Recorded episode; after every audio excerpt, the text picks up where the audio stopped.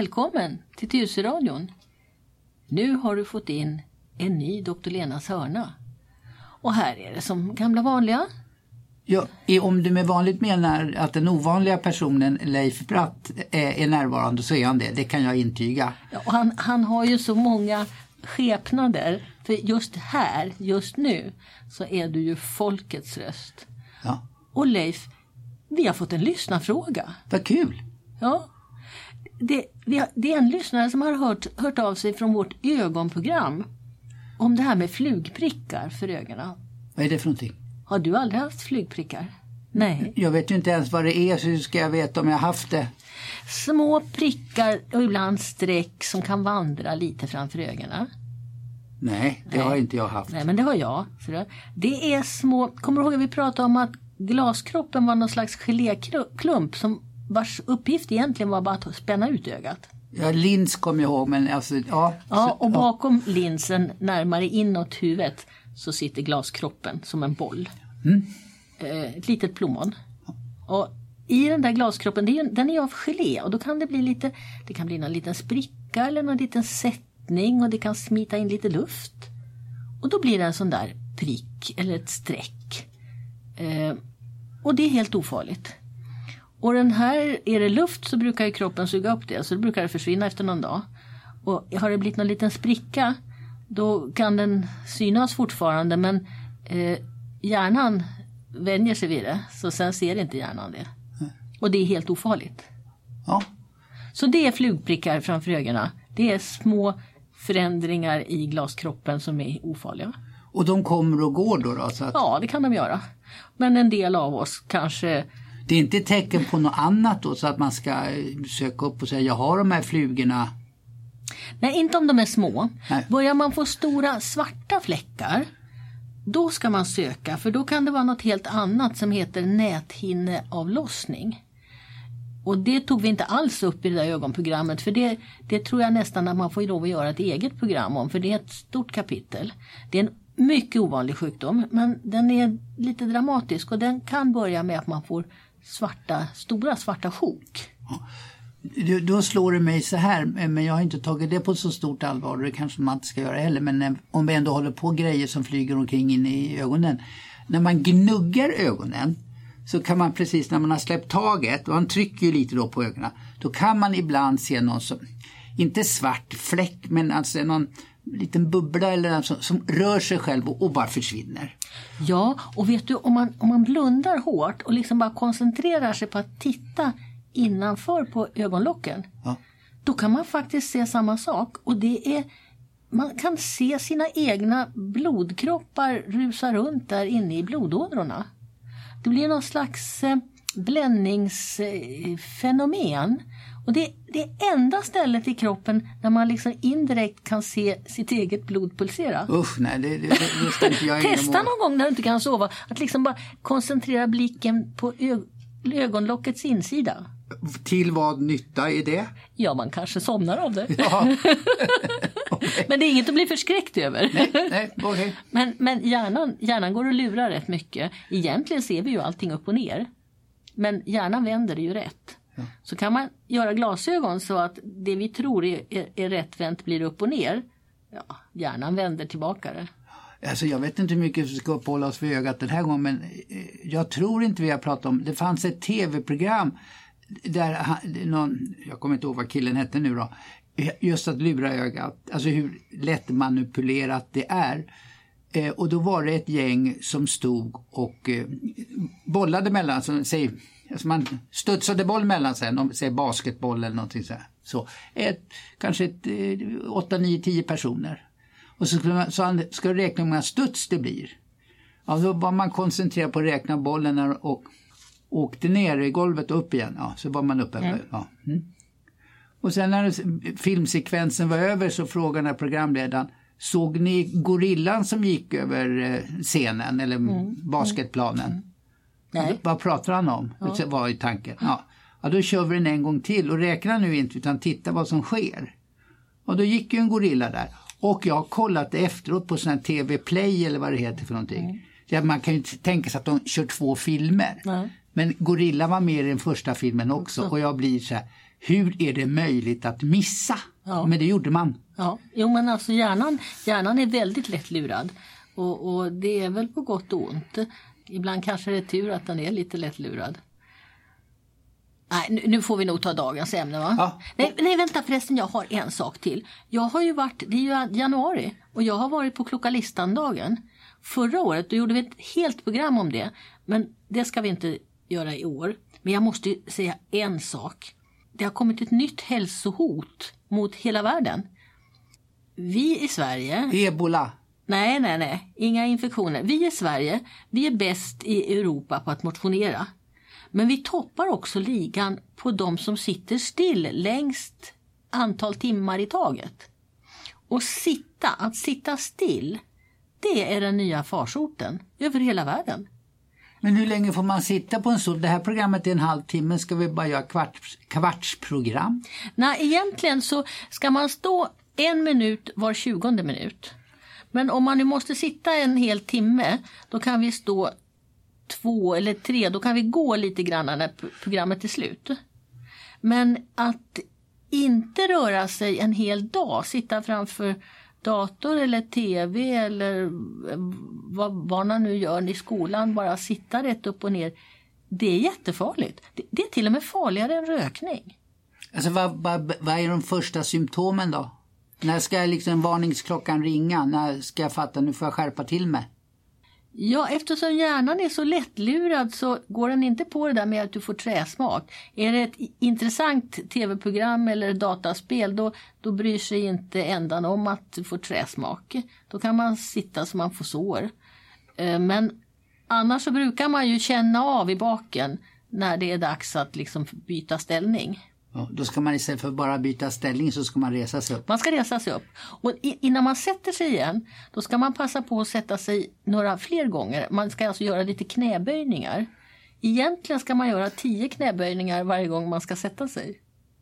Men vad, vad får jag för sjukdom om jag sitter för mycket då? Du får alla möjliga sjukdomar, men framförallt blir du så svag i musklerna.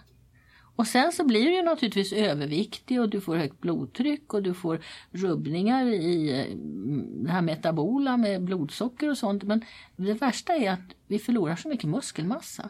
Jag har förstått någonstans, om det är du som har sagt det, eller vet jag inte, men i alla fall det här med att vi ska belasta kroppen för den är gjord för det. Alltså exempelvis alltså, skelettet urkalkas. Ja. Om, eh, jag tänkte om det också kan Ja. ske när man sitter still. Det, För sker också. Du, får ju, du belastar ju betydligt mycket mer när du står upp än om du sitter. Och allra värst är det ju att ligga. ja. Men eh, att det här har blivit en så eh, stor hälsorisk över hela världen, det var helt nytt för mig. Men då kan man säga så här också då för att eh, kompensera för för mycket sittande inte ta rulltrappan utan gå upp för trappan är bättre. Ja, och gå, Nu finns det de som måste ta rulltrappan Ja. så det, det är inte de jag hoppar på men gå av en hållplats tidigare och istället för den vanliga busshållplatsen så tar man nästa. Eller man går av en tunnelbanestation tidigare när man är till och från jobbet. Och sen att man tar alla möjligheter att, att röra på sig under de här passen. Att man, man står. Det finns för de som jobbar små eh, program som slår till då var 20 minut och säger nu är det dags att stå upp. Ja. Men Det finns ju skrivbord nu för tiden. Mm. Man ser på kontor. Ja, då, man kan stå och jobba. Ja. Mm. Och det rekommenderar du då? Ja, och det finns speciella mattor som man kan stå på som liksom killar lite under fötterna så att man rör sig automatiskt när man står upp. När du säger mattor, nu blir det, far vi ut åt alla håll och kanter här, men jag tänker på några pratar sig varma för de här, vad ska vi kalla dem för, fakirmattor, alltså med någon slags spetsar som man Ja, ska lägga sig på. Fast de har en annan funktion, de är mer smärtlindrande. Nej, de får vi ta ett annat program. Ja. Ja. Nu måste vi ta dagens ämne här. Och det blir? Ja, det blir det här att åka till och från sjukhuset. För det har Det jag... gör man väl inte så ofta? Nej, och, och det jag har upptäckt är att när man blir tvungen att göra det, då är det en så stressad situation så då vet ju folk inte riktigt vad är det som händer.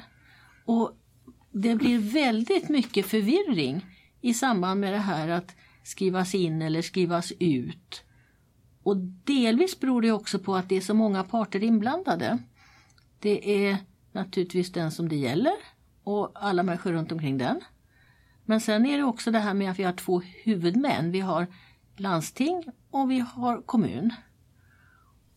Och det kan bli väldigt rörigt i det här med in och ut mellan hemma och sjukhus. Ska vi, ska vi börja med det här första eh, telefonnumret? Vad är det man ska ringa? Och först ska man stänga av sin telefon när man gör radioprogram. Vi kan väl börja med det. Jag, jag är i hemmet. Jag börjar känna något obehag i kroppen. Det är någonting som är fel. Där någonstans ska vi börja. Och, mm. Eller när... Ja, och då är frågan, ska jag, måste jag ringa efter ambulans då? När, när är det så mycket fel så att man måste, att man måste göra någonting? Börjar man blöda väldigt mycket, inte om man blöder näsblod, men om man blö, börjar blöda kräkas blod. Eller om man får väldigt ont i bröstet. Eller om man plötsligt skulle få jättesvårt att andas. Det är väl sådana där situationer då det är ganska självklart. Kraftig yrsel? Ja, det kan man väl kanske vänta lite med. Ja. Man behöver inte ringa första minuterna i alla fall. Men man kan väl ringa till någon som... Feber? Nej, det är inte med samma inte. Nej. Det kan man gott, det brukar man nog säga att man kan vänta ett par dagar. Om man inte mår jätteilla eh, på något annat vis. Jo men inte bara, eh, jag pratar inte mm. om 37 och 2 nu, jag pratar 39-40. Mm. Man kan men, vänta med det också? Det kan man göra, i synnerhet nu när det är influensatider. Ja. Eh, men man kanske ska ringa någon annan, och, om man nu bor själv, och tala om att jag mår inte så jättebra. Och kan du höra av dig till mig lite senare idag? Man, är man äldre så kanske man kan ringa eh, någon granne eller sina barn eller så att någon annan vet om att, att jag är lite, det är lite annorlunda idag än det brukar vara. Men sen så kommer man väl kanske till en punkt då, då att man har ringt det här numret och vad är det för nummer man ringer till när man ska in? Ja, men nu, nu låter det så raljant. Jag kan inte det men, men det, jag har full respekt för att det måste finnas ett nummer. Men jag är inget bra på sånt här. Förr i världen då var det 90 000 men nu är det 112. Och det är för att det ska, och det är samma nummer nästan över hela världen. Det är för att det ska vara väldigt enkelt. 1, 1, 2. Det var jag dum nu? Nej, det var du inte. För att det är nog många som i ett sånt där läge så kanske man inte kommer ihåg. Vad är det för nummer? Just det, precis. Mm. Jag känner lite yrsel, ja, det var därför. Mm, mm. Sen eh, så finns det i ett bra grej och det är att... Ska man kanske ha det uppskrivet vid telefonen då? då? Ja, det tycker jag man Med kan stora ha. bokstäver, ja. eller siffror kanske ja. snarare. 112. Mm. Alarmnumret. Mm. För det kan ju vara så att någon skrattar åt det här nu när de är klara mm. i knoppen men i det här stressmomentet så kanske man tappar. Ja, jag vet när jag körde av vägen en gång och skulle ringa. Jag fick lov att slå elva gånger på min telefon för att överhuvudtaget få igång den. Alltså man blir så eh, man blir så stressad och skakig i sådana där lägen när det händer någonting. Så att det är inte alldeles, och man ska lära sina barn också, små barn, att 112 i numret man ska ringa om det händer någonting. Då kommer man ju då till en alarmcentral som är en, går till flera olika ställen. Det är både då brandkår och polis och sjukvård, alla möjliga. Ehm, så att den första frågan man får det är ju i allmänhet vad, vad det gäller. Så att man blir lotsad till rätt enhet. Men du, eh, det finns någonting, jag vet inte riktigt, 117 eller någonting, så vad är det då? då? Ja, det är ett annat nummer, 1177. Och då, Jaha. och då kommer du till eh, sjukvårdsupplysningen. Och där kan du ställa frågor. Och, eh, det där är en väldigt bra ställe. Eh, de kan också tala om var finns den närmsta närakuten så att du inte behöver åka in till den stora sjukhusakuten. Och de kan tala om öppettider Eh, och de kan också skicka dig vidare. Sen 1177 är också ett begrepp eh, för den, deras datasida där, som innehåller väldigt mycket upplysningar. Men om vi nu pratar om telefonnumren så är det då eh, 112 som är det akuta numret. Där blir man sen kopplad antingen till brandkåren eller polisen eller sjukvården. Och är det inte lika akut så kan man, man bara vill fråga, då är det 1177. Men sen finns det fler nummer. Det finns ett som heter 113 13 och det är ett sånt här när det har hänt en katastrof. Och man behöver ha reda på var någonstans är då, är mina anhöriga inblandade och är det, är det en olycka utomlands som kanske berör svenskar? Det är ett, det är ett katastrofnummer. Är det det här som man ibland kan se på tv att uppmanas att stänga fönster och hålla sig inne? Är det sådana besked man ja, kan få? det kan också vara där. Men det är nog mer också det här att få upplysningar. Eh, som till exempel den här stora skogsbranden. Hur är, är, där jag bor är det i fara till exempel. Och sen finns det 114 14. Det är polisens nummer. Om man har sett någonting som eh, polisen kan vara eh, intresserad av. Eh, och de kan också ringa upp för där kan det vara så att man kanske inte kommer fram på en gång men då får man lämna namn och telefonnummer och så ringer de om en stund och frågar vad det var man ville meddela. Så ja, 112 för du sa då mm. kan de koppla vidare men för att minska belastningen på 112 så eh, kan man då gå in den här vägen istället. 100, ja. vad sa du, 100? Ja, 1177 då. Blir... Nej men till polisen tänkte till jag. Till polisen, 114 14. Ja och 113 13 det var katastrofer. Eh, om man nu då har ringt i någon anledning en, efter en ambulans, det kanske har varit en olycka, en trafikolycka eller något sånt. Då ska man ju veta att de som kommer i den här ambulansen, ambulanspersonalen, nästan alltid är det sjuksköterskor. Det finns någon enstaka ambulans som har där det är en sjuksköterska, inte två. Eller det kanske till och med är vana äldre ambulansförare som, som har varit med länge. Men de, i Stockholm så är nästan alla ambulanser bemannade med sjuk, speciellt utbildade sjuksköterskor. Som, alltså, som ska bära bårar och sånt där? Ja, alltså de kan de göra en massa saker innan. Så att de kan ju då till exempel bedöma om det behövs syrgas, om det behövs ges något läkemedel, de kan börja med att eh, innan de liksom eh, lastar in i ambulansen så kan de göra ordning eh, så att ett brutet ben ligger stabilt och de kan sätta dit det som vi kallar för en nål, en kanyl, så att man kan ge läkemedel. Och de har också hela tiden kontakt med läkare bakom dem. Sen så under resans gång så ha, kan de ha kontakt direkt med akutmottagningarna så att de kan alltså påbörja behandlingar redan under transporten. Nej, jag bara tänkte nu, eh, jag bara tänkte så här, du ser det är två sjuksköterskor. Ska de kunna köra bilen också, ambulansen? Ja, en kör och en jobbar. Ja, och sen mm. bär de bägge två mm, båren. Mm, ja, det var mycket, det var mm. allround-arbetare ja, kan man säga. Ja, det är det allt som sker i ambulansen det skrivs ner så att efteråt den som då har varit med om den här olyckan och undrar liksom hur gick det till, hur lång tid tog det, vad gjorde de innan jag kom in på sjukhuset, hur mådde jag? Det kan man få reda på därför att det finns antecknat i en speciell ambulansanteckning. Och där står det precis hur dags de hämtar upp och hur dags de lämnar av inne på sjukhuset och vad, vad som har hänt under tiden. Hur många liter syrgas man har fått under tiden till exempel.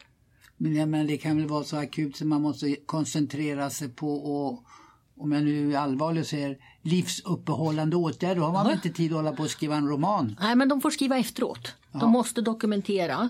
Eh, precis som det här samtalet i 112 spelas in så dokumenteras ambulanstransporten men, men de, får, de kan ju inte skriva medan de kör utan de skriver efteråt. Mm. Men det finns på papper så att den som det handlar om kan få reda på det sen.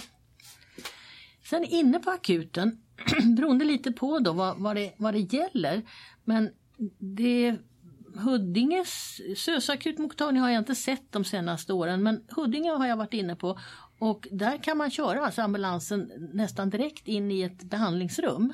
Så där kan man starta i princip bara man har fått ur vederbörande ur, ur fordonet. Och så ser det nog ut även på eh, uh, SÖS-akuten idag tror jag att man kan liksom man ska inte behöva rulla någon bår någon lång sträcka utan är det någon som behöver direkt livräddning så ska det kunna ske omedelbart. Men man kan ju gå in själv också menar, ja. om man inte har kommit till akuten med en ambulans. Och då är det så här att det finns inga kölappar på akuten. Utan det är en stenhård prioritering att den som är sjukast går först. Och för det så finns det också specialutbildade sjuksköterskor som gör någonting som kallas för triage. Och det är ett franskt ord för att man delar in då i, i den som det är jättebråttom med, den som det är mindre bråttom med och den som kan vänta. Det är klart att den här, den här prioriteringen den omprövas hela tiden för den som eh, man bedömer ändå kan vänta eh, och inte är så bråttom med kan ju bli sämre under tiden. Men det är så att åker man till den stora sjukhusakuten och inte är så där jättedålig, då får man vänta. Och det är därför det är mycket bättre att kontakta 1177 och få tips om vilken närakut kan man åka till. Så att man slipper att sitta alla de där timmarna inne på stora akuten i onödan. För de närakuterna eh, vi har i Handen och i Nacka och det kommer, det fanns en tidigare i Farsta, det, det la man ner men nu ska man bygga upp dem under det kommande året igen. Så man räknar med att vi ska ha 12 stycken sådana här närakuter i Stockholm eh, som då kompletterar de fyra stora akutmottagningarna. För på de stora akutmottagningarna där är ambitionen att man ska inte behöva vänta mer än fyra timmar. Och än så länge så, rekordet såg jag igår, det låg på 40 timmar. Så att, att det är, det fe, folk hamnar fel. Eh, och är det inte livshotande då ska man se om man inte kan komma på en närakut istället. Men kan inte också då, om jag är på det stora sjukhusets akutintag kan inte de säga att det är bättre att åka till Handens nära Eller alltså där finns, mm. där är väntetiden bara ja. uh, och man fyra har, timmar? Man har, ja då, det kan de säga. Och det kan också vara så på Huddinge var det åtminstone förut att det låg en nära akut vägg i vägg med stora akuten. Så att där blev man väldigt diskret slussad till rätt dörr. Det är också man, en akutmottagning får ju aldrig neka någon. Um, men, men den som söker på fel grunder får vänta. Jag, jag förstår. Jag bara tänkte om man nu ringer sjukvårdsupplysningen så kan de, de tipsa. Ja. På samma sätt borde väl då det stora ja. sjukhuset kunna oh ja. tipsa om. Och det gör säkert ja, ja, triagesköterskorna ja, också. Eh, och triagesköterskorna de har ju full koll på hur lång väntetiden är just nu för de olika grupperna. Och de kan säga att, att du, det här det, det är ingen idé att du sitter här med. Utan Nej. gå hem och ring din vårdcentral istället. Hårda men rättvisa. Ja, och som sagt, det finns inga kölappar utan den som är mest sjuk går före. Mm. På några ställen har man, där man inte har en särskild barnakut så händer det kanske att man försöker att ta de minsta barnen före de vuxna. Men eh, de flesta stora akutmottagningarna i Stockholm har ju skilt upp barn och vuxen akut. Sen inne på eh, medan man väntar då kommer det ju komma folk kanske och öppna dörren och titta på en lite grann och så tänker man vad gjorde den där människan? Eh, men de håller koll. Och då till sin hjälp så har de en liten eh, eh, en liten sticka, en remsa med olika färger och sen vid olika tillstånd så får man olika, det är ungefär som varningslampa. Vid vissa tillstånd så, så börjar det lysa rött. Eh, om febern blir för hög eller om eh, man börjar andas väldigt långsamt eller väldigt fort eller om, man, om det, det är någonting i de här sakerna som är ganska ändå lätt att se och det, det sker alltså en övervakning. Folk ligger inte där vind för våg på akuten men det kan ju upplevas att man gör det. Ingen kommer ingen säger något och man hungrig är man och trött är man och, och ingen, man vet inte vad som händer och får man aldrig komma in och får man aldrig träffa en doktor. Men det pågår alltså hela tiden en sån här prioritering och en övervakning av alla som har kommit in på, på själva akutmottagningen. Och det är ingen som blir bortglömd inne på akuten. Men... Eh, är vi bortskämda? Det nej, kanske alltså, inte du får säga. Folk är rädda. Jag, jag menar jag har haft patienter på akuten som har suttit och väntat många, många, många timmar för fotvårtor. Och, men då är man rädd för att man har något konstigt under foten som man inte vet vad det är. Men det är ju ingenting som är livshotande att ha en fläck någonstans. Men kan man inte då få tipset, se, eh, besök din vårdcentral som jo. du sa tidigare? Jo. Och själv alltså tänka sig för. Eh, är jag livshotande sjuk? Eller den, de som är runt omkring en.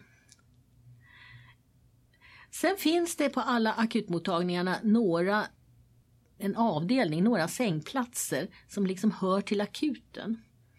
Akutmottagningarna är uppdelade i olika stora sjukdomar. Det finns eh, kirurg, medicin, infektion, eh, ortopedi ibland på vissa akutmottagningar. Eh, och då pratar man om att det är medicindisken och ortopeddisken och där sitter då eh, den personal som just nu jobbar då för fullt och dirigerar framförallt läkarna till de olika undersökningsrummen.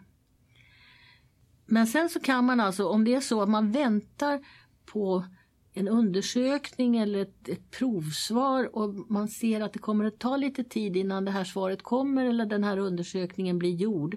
Då kan man alltså få sova över natt nere på själva akuten. Det finns sängplatser nere på akuten.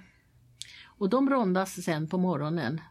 Och då kanske man kan få åka hem direkt. Man behöver inte skrivas in på någon avdelning uppe på sjukhuset. Och I andra lägen så är det ganska självklart att det här är någon som är så jättesjuk så den måste stanna flera dagar på sjukhuset. Och då försöker man att lotsa till rätt till medicinkliniken eller kirurgkliniken eller urologen eller lungkliniken eller vad det nu handlar om. Men ibland så finns det ju inte plats på rätt klinik.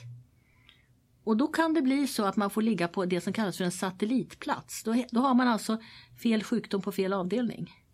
Och då kommer läkarna från den sjukdomen som man skulle ha legat på. Om man skulle ha legat på gyn så får gynekologen komma ner till kirurgavdelningen och träffa patienten när den ligger där.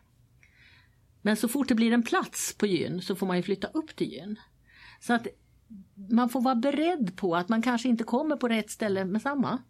Och att det blir omflyttningar och de där omflyttningarna mellan avdelningar inne på det stora akutsjukhuset det kan bli när som helst. Det kan bli på, mitt i natten att någon måste flyttas någon annanstans.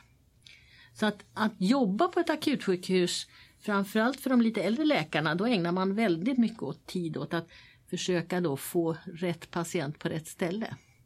Och det, det här är ett av bekymren på våra sjukhus att vi eh, vi vet ju var de ska vara någonstans men att innan, innan patienten kommer på rätt ställe så kan det ta något dygn. Och det är jättesvårt när man ska komma och hälsa på någon som har blivit inlagd på sjukhuset och så ligger de inte på den avdelning där man tror att de skulle vara. Eller där de låg i morse. Men man kan i alla fall konstatera att eh, sjukvårdspersonalen jävlas inte med en i onödan. Nej, nej, nej. Oh, nej. Det finns orsaker till varför situationen är som den är. Ja. Sen finns det två sjukdomar där man har någon slags specialspår. Om du tänker att det är tåg och så sätter du dig direkt på rätt tåg och det är höftfrakturerna och de som har fått slaganfall. Där försöker man att de ska gå direkt dit de ska. Och när det gäller höftfrakturerna så ska de då röntgas, operation, eh, geriatrisk klinik, hem. Ja. Men alltså varför är inte alla frakturer allvarliga? Eller varför är höft så första klass, vad kallar det? Ja, första klass det är, gam, det är gamla människor som får höftfrakturer. Ja. Och de har mycket svårare att klara alla de här omflyttningarna.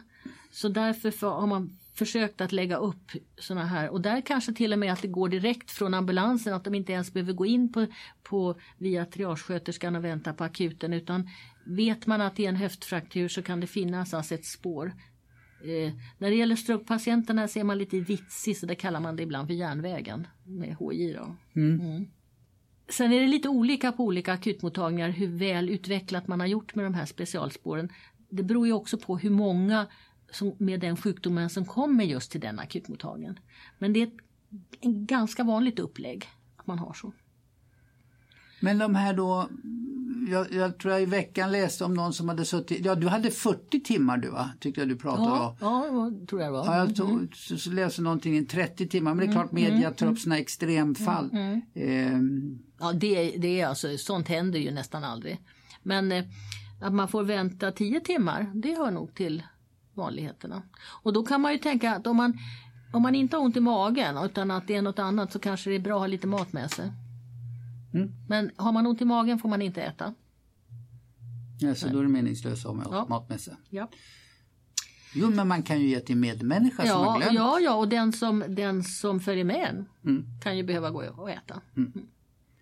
Och på alla, akut, alla sjukhus har ju en, en nattöppen kafeteria där man kan få tag på en smörgås i alla fall. Sen så småningom när man då kommer upp på en vårdavdelning och de börjar fixa till det som är fel. Då ska man också ha klart för sig att redan från första dagen så gör sjuksköterskan börja förbereda att man ska hem. Eh, därför att det är en massa kontakter som ska tas och planeringar. Och även om någon, det kanske i slutändan blir så att de kommer inte hem utan de hamnar på ett äldreboende. Så man börjar i alla fall tänka ut härifrån direkt när någon kommer in. Och det där kan ju kännas jättekonstigt. Mamma har ju precis kommit här, varför börjar de fråga om, om hon kan vara hemma? Men det, det är just därför att det handlar om att planera saker och ting. Och det finns i lagen skrivet väldigt detaljerat om hur de här utskrivningsplaneringarna ska gå till. Eh, det finns något som man kallar, att man kallar till en vårdplanering. Och då kommer det någon från eh, kommunen och ibland ifrån primärvården och så har man ett möte. Och ibland är anhöriga med. Oftast är det så kort varsel som anhöriga kanske inte hinner dit. Och det kan man ju undra om det verkligen måste vara så kort varsel, men, men det, det är det ibland. Och så gör man någon slags diskussion om att vad är lämpligast? Nästa steg. Sen finns det också en lag. Men finns det, för det stötte jag på när jag var aktiv på 90-talet, den här eh, striden mellan, den ekonomiska striden mellan kommunen och landstinget. Alltså, Kommunen ville att de skulle tas om hand av landstinget för då belastar de inte den kommunala budgeten och landstinget ville skicka tillbaka dem till kommunen så fort som möjligt för att ja, spara, spara pengar. Ja, det finns ju alltså i den här lagen så regleras det betalningsansvaret och från den tidpunkt som man bestämmer att någon är utskrivningsklar. Eh, det är inte lika mycket bråk om det längre. Däremot så har det förra året så kom det en utredning där man ville ändra på det här att kommunerna skulle ta tillbaka ännu tidigare. Eh, och det har inte gått igenom än.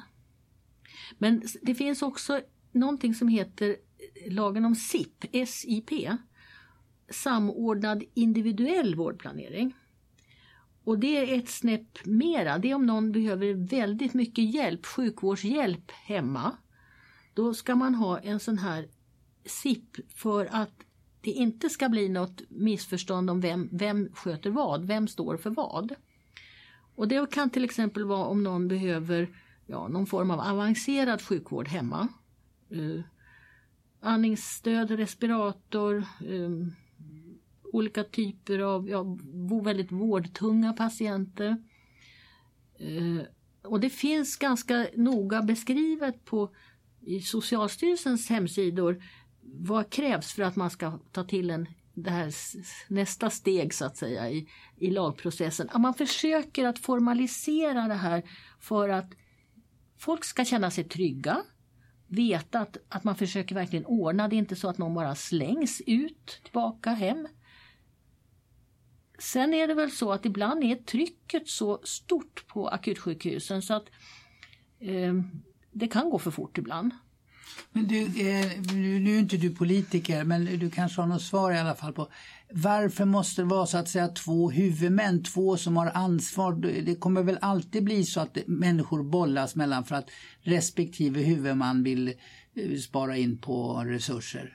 Varför kan det inte bara vara en huvudman? Ja, det är en jättefråga. Det här är ju gammal tradition. Vi har haft så här i många hundra år. Vi har, vi har uppdelning på kommun och landsting. Det finns ju Gotland. Och um, Man har ju gjort försök i Göteborg. Um, man gör försök just nu i Skåne. Men, men vi får nog leva med de här två huvudmännen. Det, så är det. Tills vi skrotar landstingen. Jaha, men de finns väl av något skäl för varje kommun kan ju inte ha ett akutsjukhus. Nej. Nej, det, nej det, det är jättesvårt det här. Eh, Men man försöker alltså ändå att via dokument, en typ av styrdokument som den här första lagen om utskrivning och sen så SIPen då, eh, att det ska bli så bra som möjligt. Och blir det inte bra, då finns det patientnämnden som man som patient och anhörig kan klaga till. Om man tycker att det, det verkar inte finnas någon här som tar ansvar för mig och, och ser till att jag får den vård jag ska ha. Eller det blir bara fel. Då ska man ta kontakt med patientnämnden. Har de något telefonnummer? Oh ja, men det har jag inte i huvudet. Men man kan... Ja, så, Ja. ja. Det kan man fråga på 1177. Ja. Patientnämnden. Det var bara liksom Mm. Och det finns- pedagogiskt. att- Och det finns en patientombudsman också. En del människor kan ju inte komma hem direkt efter man har varit på sjukhus. Är man över 65 år så kanske man kan få komma till en geriatrisk klinik. Men det är inte sådär med självklart utan på den geriatriska kliniken så ställs det ett krav på att man verkligen ska kunna träna. Man ska kunna förbättras. För annars är det meningslöst. Då är det någon annan som behöver platsen bättre. Man kan få komma ibland till ett korttidsboende för att till exempel det ska göras en minnesutredning eller för att man ska göra något som kanske en boendebedömning. Ehm, men korttidsplatserna, de är kommunala. Den geriatriska kliniken, den är landsting. Så där är en sån där eh, diskussionspunkt. Är det här landstingspatient eller kommunal patient? Har man varit inne på en geriatrisk klinik då får man ofta ett brev med sig hem sen när man skrivs ut därifrån. Där det står ordentligt att du har varit här på grund av det och det. Och i det där brevet så står det ofta att man ska ta kontakt med vårdcentralen om en månad eller två månader eller tre månader. Och förr i världen då var det så att vårdcentralerna fick också ett sånt där papper och så ringde de upp. Men det gör de inte nu. Utan får man ett sånt där papper där det står att man ska kontakta sin husläkare då får man själv se till att man gör det. Och om man då är lite skröplig i huvudet. Mm. Mm. Då händer det att man liksom ramlar bort ur systemet. Det är inget roligt att höra. Nej. Men eh, Är det all den här spariven då som gör? Ja men det är Ja. ju korkat om man då skickar hem en dement person. För den, den kan vara hemma. Och, och sen kommer den inte ihåg att- kontakta vårdcentralen för att den är dement. Det finns ju, just när det gäller de dementa, då finns det ett säkerhetsnät. Men alltså, den praktiska erfarenheten jag har, det är att det är fler som ramlar igenom maskerna. Så att står det i de här papperna att man ska kontakta sin vårdcentral, då, då ligger det på den sjuke eller dens familj själva. Ja men det finns ju ensamstående också eller? Så, alltså det kan ju ha gått en remiss till någon ställe för en undersökning. Då får man en kallelse. Men just det här bara att, att eh, hur ska det bli nu i framtiden? Där är det, det, det fungerar dåligt. Ja, jag, tyvärr måste jag ändå säga det. Ja, jo men det, det är ju först när vi får reda på att hur det Ja. funkar vi kan göra någonting åt det. Ja. Så att eh, vi är glada att vi får eh, en sann information. Ja. Och sen får vi ta våra politiker i örat och säga att eh, nu får ni skärpa till er. Sen har vi de här korttidsplatserna då. Och de är ju begränsade i tiden. Förr fanns det någonting som hette konvalescenthem men det är många år sedan de lades ner. Det är nog 20-25 år sedan de lades ner. Men ibland så fyller ju korttidsvården lite samma funktion. Man får några extra veckor att hämta sig. Ibland kan det vara en sån här sak som när man har brutit ben, underbenet så får man inte stödja på det på sex veckor. Och det är inte så lätt om man bara får gå på ett ben i sex veckor. Då kan det vara korttidsplats. Vår kommun, Tyresö, har 22 korttidsplatser på Björkbacken. Men det räcker inte utan vi köper korttidsplatser eh, utanför kommunen. Och det varierar lite grann men när jag pratade med Andreas Jonsson i ett annat radioprogram då pratade vi ungefär om 50 platser. Och då är det klart att det inte bara korttidsplatser utan det är också sådana som väntar på en permanent plats. För det är sen nästa steget om man inte kan återgå hem igen därför att man har, är så sjuk. Då kan man få komma till ett äldreboende. Sen finns det också en variant med hemrehabilitering och avancerad sjukvård i hemmet. Och den avancerade sjukvården i hemmet den har ju byggts ut väldigt mycket. Och just det här södra Stockholm som vi tillhör då, eh, man ser södra Stockholms län, där är faktiskt flest sådana här avancerade team i hela Sverige. Så där har vi en god täckning. Jo men man får väl, jag gissar nu, elaka jag, att det här med att man satsar på avancerad sjukvård i hemmet det är ju för att man inte har platser på sjukhus. Ja, ja. visst är det det. Men nu så i år, 2017. Men det behöver inte vara sämre för det, det beror Nej. på personalen som kommer naturligtvis. Men... I år så har vi ett nytt avtal och nu är vi fortfarande bara i januari så det är ingen som vet riktigt hur det här avtalet kommer att slå. Men i det nya avtalet så får man inte vara inskriven hur länge som helst i den avancerade hemsjukvården. Utan de som har bestämt det här, politikerna, de säger att efter tre månader så ska man klara sig utan den avancerade hemsjukvården. Och det, man får inte bli utskriven och inskriven igen. Och eh, hur det här kommer att fungera, framförallt för våra cancerpatienter som inte dör på tre månader, det vet inte jag.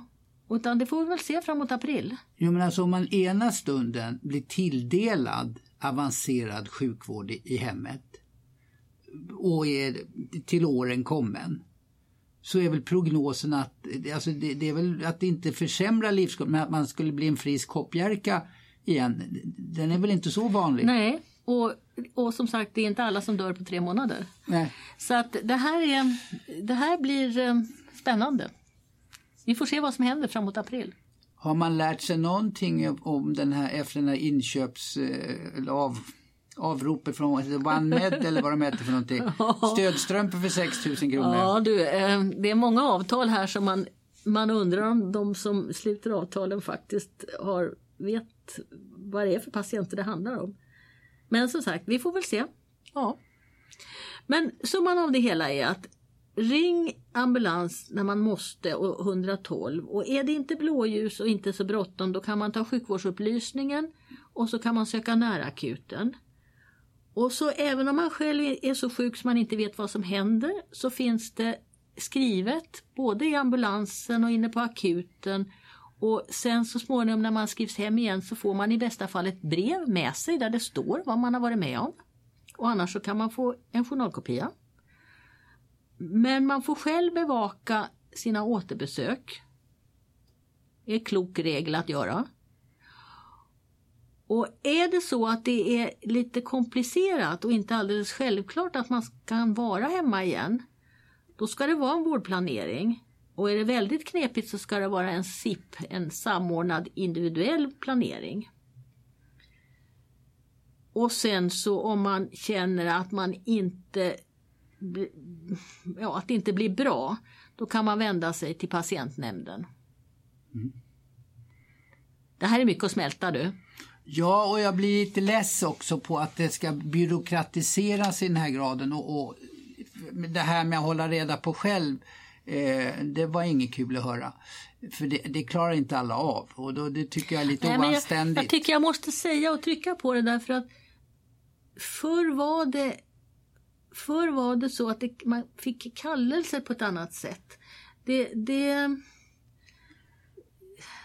det finns nog en vilja att förbereda och att det ska bli bra hemma men, men som det är idag så man måste själv eller ha någon som hjälper en. Ja, ja. och det har inte alla. Nej. Ja, men alltså, eh, personlig grej att mm. ha sån här lite benskörhet. Mm. Så får jag en sån här spruta jag ska ta två ja. gånger om året. Mm. Första gången då fick jag ett recept på två mm. sprutor. Mm. Skulle räcka då ett år. Och sen när det skulle förnyas så höll jag på i två månader med vårdcentralen här i Tyresö mm.